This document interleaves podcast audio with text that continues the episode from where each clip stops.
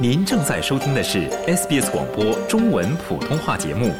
更多节目内容请浏览 sbs 点 com 点 au 闲斜杠 mandarin 或下载应用程序 SBS Radio App。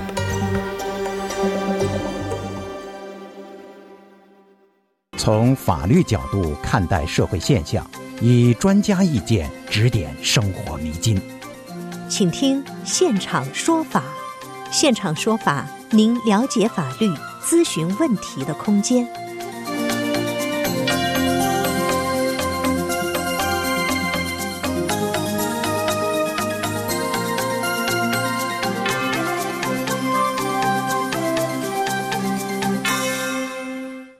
听众朋友们，早上好！欢迎您继续收听 SBS 广播中文普通话节目，我是浩飞。那么今天是到了现场说法听众热线节目啊，我们想与大家分享的是最近比较。火的一个话题，也是大家比较了解的一个新闻：澳大利亚联邦警察局破获涉嫌洗钱的长江换汇及其集团公司的犯罪团伙。长江换汇被指控在过去三年中清洗了近两点二九亿澳元的犯罪所得。那么，联邦警察称其为澳大利亚联邦警察局领导的澳洲历史上最复杂的洗钱调查的一部分。那么，什么叫做洗钱？什么样的行为会被认为是触犯了刑事犯罪的洗钱行为？如果一个人被起诉洗钱，那么警方要有什么样的证据？普通人应当如何避免卷入呢？在本期现场说法听众热线节目中，朗伦律师事务所劳伦 legal 主任张卓轩律师从案例出发，要和听友们聊一聊关于反洗钱相关的话题。张律师你好，你好，主持人。哎，首先我们想与您讨论的话题是什么叫做洗钱？什么样的行为会被认为是触犯了刑事犯罪的洗钱行为呢？呃，这个在澳洲的刑法规定里边呢，它一般来讲的话，就会规定以下的一些情况会被认为是构成成了这个呃刑法当中认定犯罪的洗钱行为。首先的话呢，就是说呃，接触金钱的这个人的话，他本来。应当要怀疑说他接触的这个金钱，就是如果是一个合理的一个正常人接触到这些金钱的时候，都会有产生怀疑这个金钱的来路不明，可能会涉及到是一个犯罪所得。然后，并且的话，这个人如果是本来应该产生怀疑，故意去呃忽略了这些，嗯，可以产生这种怀疑的这种因素，或者他明知道。比如说之之前我们在悉尼看到一个案子，就是他明知道这个钱就是卖毒品获得的钱，那么他仍然去使用这些钱，或者用这些钱去呃做其他的投资，或者是说让这个钱作为一个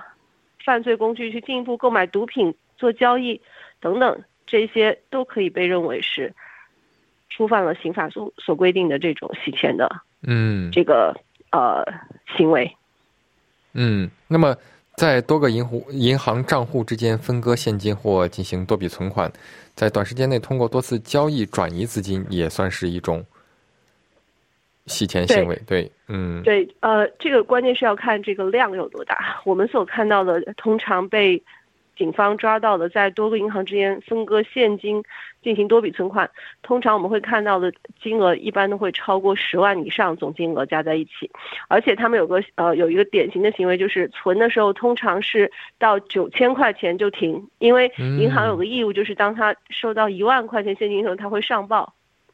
如果你有比如我们之前看到很多案例就是他有五笔每笔都是九千的时候，那么基本上呃就会被为被认为已经是达到。一个正常人合理怀疑的程度，就是你为什么故意存多笔九千，说明你知道这个事情是有问题的。嗯，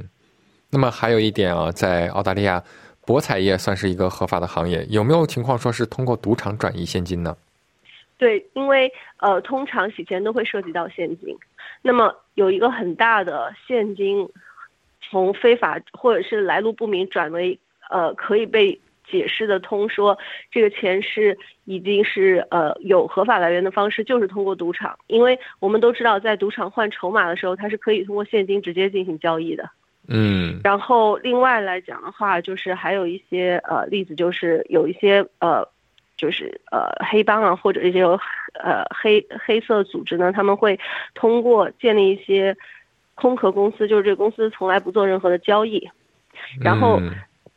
呃，像我们有时候看到有一些商店 会被怀疑的原因，就是因为这些商店感觉你是在那个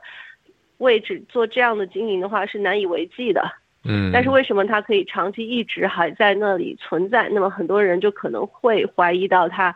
它实际上没有进行一个真正的经营活动，它这种虚假的经营活动的这个交易，实际上是通过这种来路不明的现金等等去实现的，从而它报税啊等等，去说自己有这样的经营活动和交易的时候，就把这些钱，呃，作为这种营业收入变成一种合法的收入了。嗯，那么此外啊，如果一个人被起诉洗钱，那么警方要有什么样的证据呢？嗯，现在澳洲来讲呢，我我刚刚给大家介绍的主要讲的是在州一级的刑法嗯刑刑事诉讼规定里边。那么通常情况下的话，呃，有两级，一级是在州，一级一级是在这个呃联邦。那么我们现在看到的情况就是，呃，州一级的法院通常洗钱这个起诉的话是伴随着这个。呃，毒品犯罪，因为毒品犯罪这些呃犯罪具体的刑事犯罪行为是通过这个刑每个州的刑法典去管的，所以跟这个相关联的洗钱的这些罪名都会直接呃跟这些相关联的时候起诉。那么另外一层就是像现在看到长江欢会这种的话，通常它是直接就嗯、甚至没有办法去证明他。有直接的犯罪所得这种结论的时候，就会呃通过我刚刚提到的一个合理第三人会怀疑他所处理的这些钱有可能来路不明的话，就会被认为是有洗钱罪。那我们大多数看到的就是用这样就就有这样的方式去起诉的。那在这种情况下，他的这个证据其实。没没有我们想象的原来想象的那么难，因为如果警方要去证明你的钱一定是犯罪所得的话，它的难度是很大的，因为这个证据链条需要去指出你是什么样的犯罪行为，然后这个犯罪行为的参与者是什么，你要有很多的证据。但是呢，如果说一个合理的人能够怀疑他手上的钱是来路不明，仍然去碰触的话，这个标准就是不会是那么高了。另外，他这个举证责任是导致的，也就是说，我处理这个人的钱需要向警方提供证据证明我这个钱为什么让我无法产生合理怀疑。打个比方，之前我们有见到的案例就是说，他虽然在这个呃我们客户家里头发现了现金，还有就是有一些呃比较价值非常高高的一些酒。或者是烟草这些，但是我们客户呢，他提出了相应的证明说，那我这些钱是因为我自身这个行业当中的确会涉及到一些现金，那这些是很详细的这个账目，你能看到我是有这个收入的。另外，我父母在海外的确有很多的钱可以汇给我，那这些转账记录也显示的话，我这些钱的话是有可能是通过这些方式获得的。嗯，其次的话就是像这些呃烟酒这些东西，有一些是我朋友送的，那我朋友出庭作证说他们是正常途径购买的。那如果只要他能够把这些相应的证据拿出来的话，而且前提是要书面的和具体的人能作证的情况下的话，那么警方的话就就一般都会实现你你可以算是你已经举证成功，是已经。排除了合理怀疑，因为的确是这个你你提供的这个证据可以看出来是说，是这个交易量是有可能，但他们通常这种涉及的交易量都还是几十万，不会是到上百万。通常上百万的客户都是会比较难以去证明说这种现金的话是是不应该他怀疑是有问题的，即便是他比如说是跟别人进行交易，别人用现金跟他来做交易的时候，第一他本来按照规定应该上报的，他没有上报；第二的话，如果进行一些普通交易，你涉及到几十万甚至甚至上百万的交易金额，对方是用现金跟你进行的话，那么在警方还有这个法律陪审团看来，你其实本身自己就应该知道这个东西是。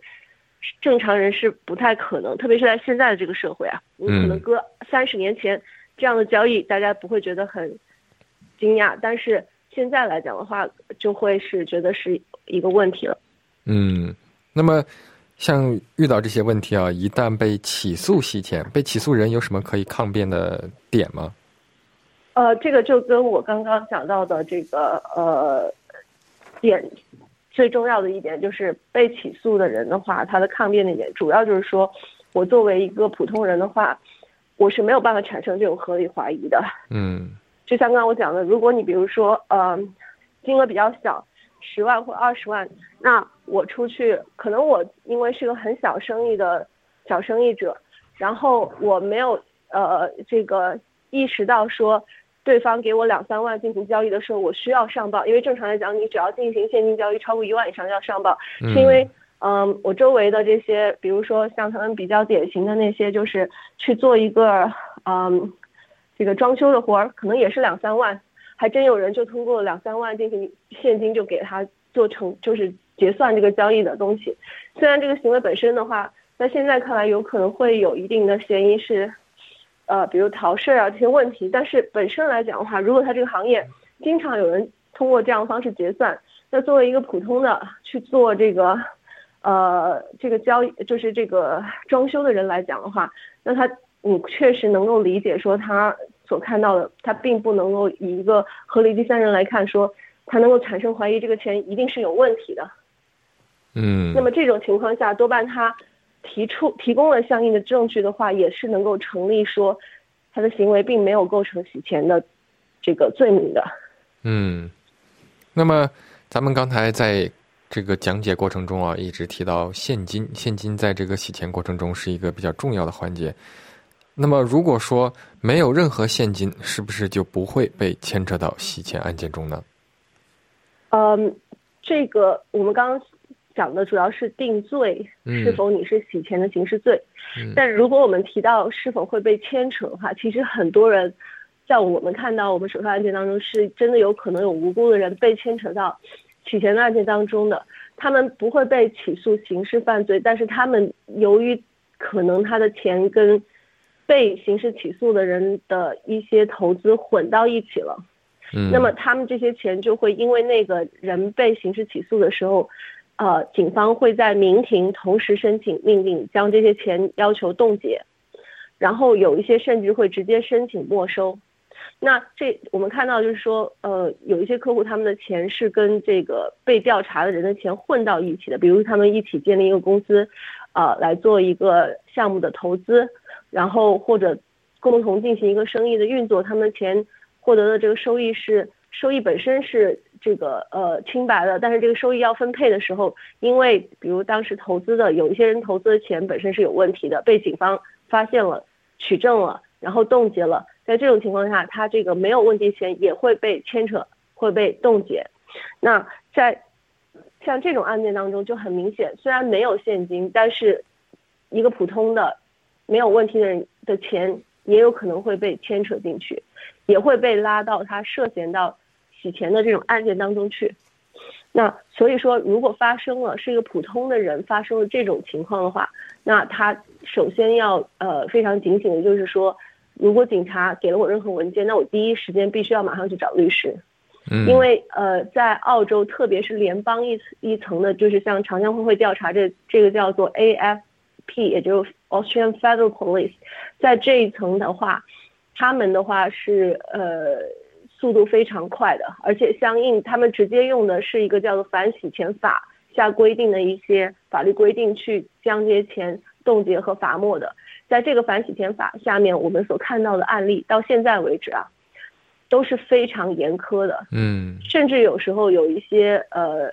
客户他晚一点了，或者是举证不够充分的时候的话，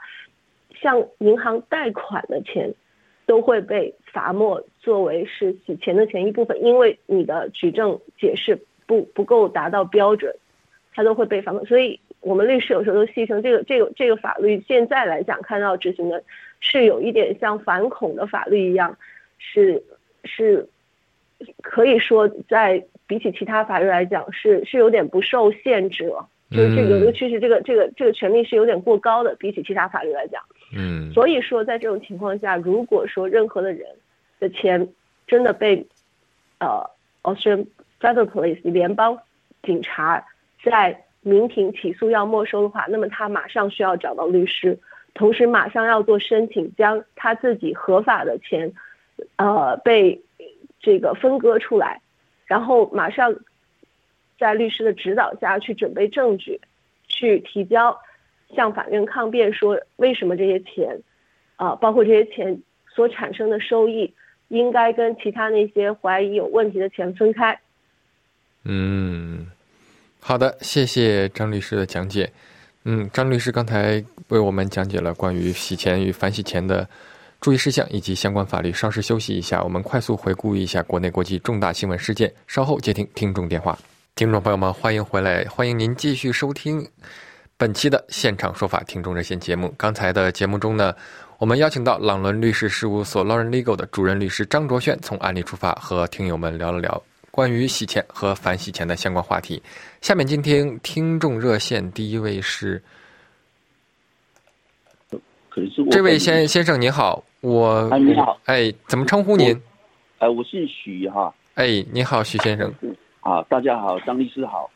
那个，我现在啊有一个问题是，我律师给我错误的 advice 哈，然后造成那个我获得巨大的赔偿。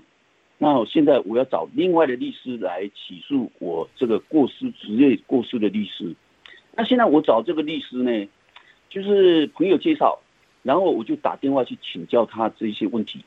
那他呢，在电话中告诉我是说要帮我先啊，这个去评估一下这个案子的情况，所以他啊，呃，希望我把一些资料先寄给他。在当下，他并没有告诉我说，这个他要先评估的时候要付多少钱哈。然后呢，他后来就寄了一份这个所谓呃律师服务的协议书给我，他要我在上面这个确认签名。然后把啊处理第一项的这个金额哈，先寄给他。但是呢，我看了那个协议啊，那个里面的内容我有的都不清楚。我本来是想说到他公司啊去跟他面谈，但是呢，我都还没有跟他去面谈谈这个呃协议书的内容的时候，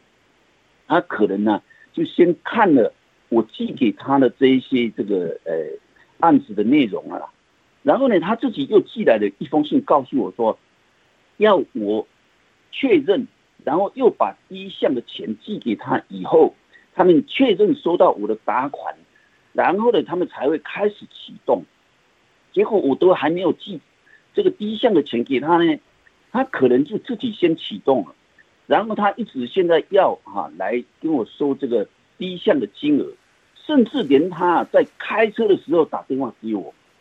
他在谈这个内容，他都跟我。呃，要收这笔费用，那我跟他说，哎，在澳大利亚开车是不能够讲电话的。你在违规的时候，你你跟我讲这个电话要跟收费，这样对吗？啊，但是他现在就是总说一句，他说我口头上啊跟他呢说答应他去这个这个先做评估，这样他就要跟我收费。所以我不知道说这个到底什么叫确认。什么叫签名？到底这个协议书是禁止协议呢，或是只是形式上而已？所以我对这个事情非常困扰啊！我是不是请教张律师要怎么处理？徐先生，您是在哪个州的？我在这个悉尼的。哦，您在新州是吧？呃，您可以把这个律师的纠纷提交到呃新州的律师协会，叫 Law Society。应应该来讲，他的做法是有一定问题。就像你说，呃，最重要的是他。把这个收费的协议给你的时候，你如果不明白，他是的确需要向你解释清楚，并不是说他没有权利在跟你打电话的时候向你收取他工作的费用，但是前提必须就像你说的，你要同意他开始工作，然后呃这个明白他向你如何收费之后，他才可以做。那么。现在呃，律师的法律规定是这样子的，像我们律师如果说有意向你要来找我们做案子的时候，我们就需要发费用协议，这是一方面，也就是解释告诉你说我们是按时间收费的。然后其次的话，这个费用协议什么情况下当你是接受了呢？第一，你在协议上签字，那么听你讲你并没有在协议上签字。而且你还要要求他做解释，他的确他对你做解释，并且跟你处理钱的这些工作是不可以向你收费的。然后第二点的话，还有一种方式就是，如果说你呃这个虽然没有这个呃签这个协议，但是呢，呃已经开始要求他对你的这个呃事情进行工作的话，那么在你这个案子中，唯一他可能会争的是哦，那你虽然没有签这个协议，但你已经让我开始工作，跟我讨论案情等等，但是。问题就是在于你还没有打钱给他，而且你不知道他具体有些工作应该如何收费，所以这个点是你可以去争说你为什么没有认为你已经聘请他作为你的律师，更加不认为他应该向你收费的点。那在呃一般情况下，判例上看到的就是说，如果这个律师。他说要他开始跟你工作，比如他说他要浏览这些材料，给你一个初步意见。他除了在费用协议之外的话，应该还有一个叫做呃费用预估，也就是说他大概会做什么样的工作，接下来，然后需要你打这些工作大概会花多少钱，需要你打多少钱到他的这个信托账户上，然后他才可以开始工作，然后啊或者他答应你。可以不用先打钱到他星球账户上，他愿意开始工作。那么他跟你讲清楚了多少工作多少钱，你同意了，然后并且让他开始做他所预估的这个工作的时候的话，他才有这个权利向你收取这个费用。所以根据你讲的来讲，呃，应该来讲他做的这方面是不够的。如果你认为你还没有开始让他工作，他没有权利向你收他钱，呃，向你收收取费用的话，那我的建议就是你把这个事情啊提到这个新州的律师协会去，让他们再从中做一个这个呃调解也好，或者是解决问题的一个一方来好，把这个事情帮你处理一下。但是啊，现在嗯，谢谢 Frank 咨询，我们稍事休息啊，稍后接继续接听听众电话。陈先生，陈先生您好。喂，是我吗？哎，是您。哦，好的，谢谢，哎，谢谢主持人，谢谢呃律师。嗯，我这边是嗯，我在新州跟着嗯呃，我现在邻居呢，他养了呃一些鸟在他的后院，跟着嗯，他两个鸟鸟房，一个在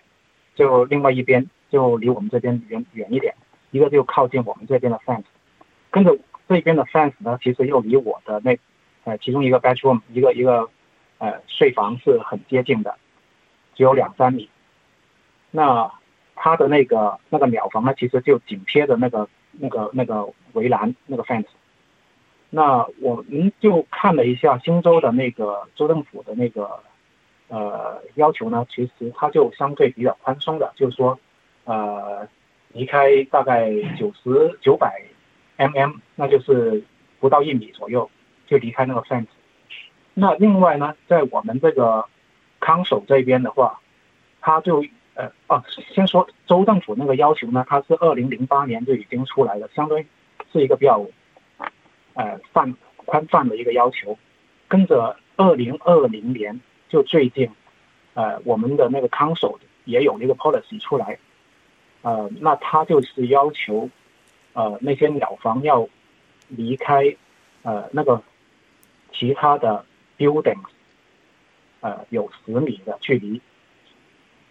那而且就我就在想，如果这个康守的那个 policy 是二零二零年才出来，州政府那个是二零零八年，就二十多年前的东西的话，那应该康守的那个是基于州政府的那个呃来去设立的，就不会两个文件应该是不会冲突的，反而是就。康守的那个应该是对州政府的做一个呃低于自己这个小区或者这个这个市的那个情况、人口的结构、那个地面的呃那个面积等等的做的一个更准确、更细致的一个要求而已。那所以我们对这个养鸟房这些，它是要有哪怎么样的那个要求？应该是按照两个，一个是州的，一个是康守的，两个都要考虑，是不是这样子呢？呃，陈先生，对的，这肯定是的，而且呃，你说，比如说康总说一开始，哦，因为我没有看过这个法律，但是像您说的，如果州政府说呃要距离你这边的话不能够少于十厘米，那康总说不能少于二十厘米，康总的这个法律并没有违反州政府的，他只是像您说的，他可能要求会更高一点，这个是没有问题的。嗯嗯，那嗯，如果现在就。康守那边，我们发了邮件过去给他们，要求我们可以怎么样要求，呃，他们能够帮我们去处理这件事情呢？因为呃，我觉得可能 除了这个要求之外，可能你最重要的还是说，呃，这个究竟这个事情对你们，它这个鸟房对你们造成一些什么样实质性的影响，而不是看它有没有去违反这个康所相关的很细节的一些规定。比如说，就像我们最典型、经常会争议的，有一些呃房屋之间的距离，它的 council 都会有一些规定，但是有时候就算超一点点一两厘米这种 variation 的话。你真正到了现实当中的话，如果没有对双方造成任何的实任何实质上的损失的话，也不会有 council 去干预。所以我觉得你的点是在于，你如果想让 council 去处理对方有可能对你造成的一些困扰的话，你需要跟 counsel 写这种投诉信也好，或者是举报信也好。你的点一方面是说他违反了这个规定，最重要的还是说对你造成了，就首先这个违反有多严重，第二的话就是对你造成了什么实际上影响。比如说噪音，比如说这个污，就是污染，比如粪便这种鸟鸟粪的污染，然后让你这边的生活造成了什么样的困扰？如果 counsel 真的没有办法给你处理的话，因为它是违反的行为，那你就会可以找律师去相应的法庭去进行诉讼，然后让法院下 order 下来去处理他这个事情，两边都可以走。嗯，感谢陈陈先生的。但陈先生主要提醒您的就是说，您您主要要强调你究竟他的这个违反。有多严重？这第一，第二的话就是对你造造成了，对对对。然后这方面您甚至有可能需要去做一些报告来支持你的观点，比如说你呃已经对你的这个呼吸道或者造成了损害，你有生病了，你的家人什么这些东西你都可以拿出来当证据。嗯，感谢律师的建议，感谢陈先生的咨询。这种如果要找律师的话，大概的费用是怎么样子的？呃，这个的话，您需要找具体的律师去咨询，我没有办法代表其他律师事务所给您提供这个意见。感谢陈先生，下一位是王先生，王先生您好。哎，喂，你好，是我吗？嗯，是您。哎，你好，律师好，主主持人好。哎。啊，有一个问题，就是长江换汇下面呢，啊，有一个普华证券，我不知道你们听说没有？这个是做股票啊，做外汇交易的，而。不是换汇的那个啊，那么呢，现在呢，因为因为因为这个长江出事了嘛，因为是他母公司嘛，所以有的人就要出金，那么呢，呃，然后有的人昨天就跟去了公司跟他们联系，他们说现在呢已经被冻结了，就是这个账户被冻结了，资金就是退不了钱，就是不能有的人就要返返钱嘛，就是我想问一下，一般这个投资者的资金是一般是分开的吗？是不是放到公司说这个是放到？啊，一个指定的一个账户，那么这个账户，并且是用呃叫 ASK，这叫 ASK 吧，叫澳大利亚证监会监管的。哎，对，我想问问这个是不是事实？他们说的。呃，这个的话，因为我我我我并没有涉及到这个案件当中，所以他们说的这个事情的话，我没有见到，肯定没有办法跟你讲说是不是他们真的这么做了，或者他们可能违违规违规做了。不是在法律上讲，就投资人的钱是不是一定要在一个就像那个 trust account 之类的，就是他们他们那个公司是不可以乱动的。关关键是我根本不知道您这个普华证券它在 ASIC 下面规范的基金是属于哪一种类型的，然后它每个监管的具体细则是不一样，所以我没有办法给你任何关于这方面的法律意见。它是它证券交易，我们也看到了，它是证券交易的话，本身基金在监管下面没有所谓影响的股票证券交易这样的区分，它只是在 SC 管辖下的话，有不同的基金的类别，它有不同的细则规定，所以您问我这个问题，我是没有办法回答您的。如果你想问的仅仅是说，那么如果普华证券这个事情，如果你的资金被冻结该怎么办？那么我认为首先。如果真你要搞清楚它这个冻结的性质是什么，如果去联系这个普华证券不回复的话，那我认为接下来需要联系的是相应的呃，就是冻结这个的话，一般出面的应该会是有警察。那如果是有警察的话，我觉得现在最好的方式应该是直接去联系警察，然后去了解情况，啊，不是报警，就是说冻结你这个钱的时候，Australian Federal Police，你如果真的。是这个当中被冻结钱的人的话，首先警察一般情况下真的是冻结你，接下来他在整理投资者名单，然后涉及到你资金的话，应该会跟你联系，这是我们之前看到的一个经验。但如果没有警察联系你又很着急的话，我觉得你应该去找到相应 Austrian Federal Police 的呃网站，还有这个电话之后，直接打过去询问他们这个事情。然后如果可以让他们安排一个具体的人联系人，因为通常你打过去，他肯定会说，啊，那我们帮你去问一下这个事情。啊，那你最好能够记录下来，究竟是谁可能会帮你跟进这个事情，然后去呃。再去进一步去跟进这个事情。如果你想说去联系长江换汇现在人或者所谓这个普华证券的相应人，我觉得难度是比较大的。听众朋友们，因为首先，因为他们嗯对，由于时间关系，今天的节目要和您说再见。嗯，本节目仅供一般性参考，任何专业法律问题情况因人而异，请您咨询专业律师。我是浩斐，明天同一时间与您准时相约。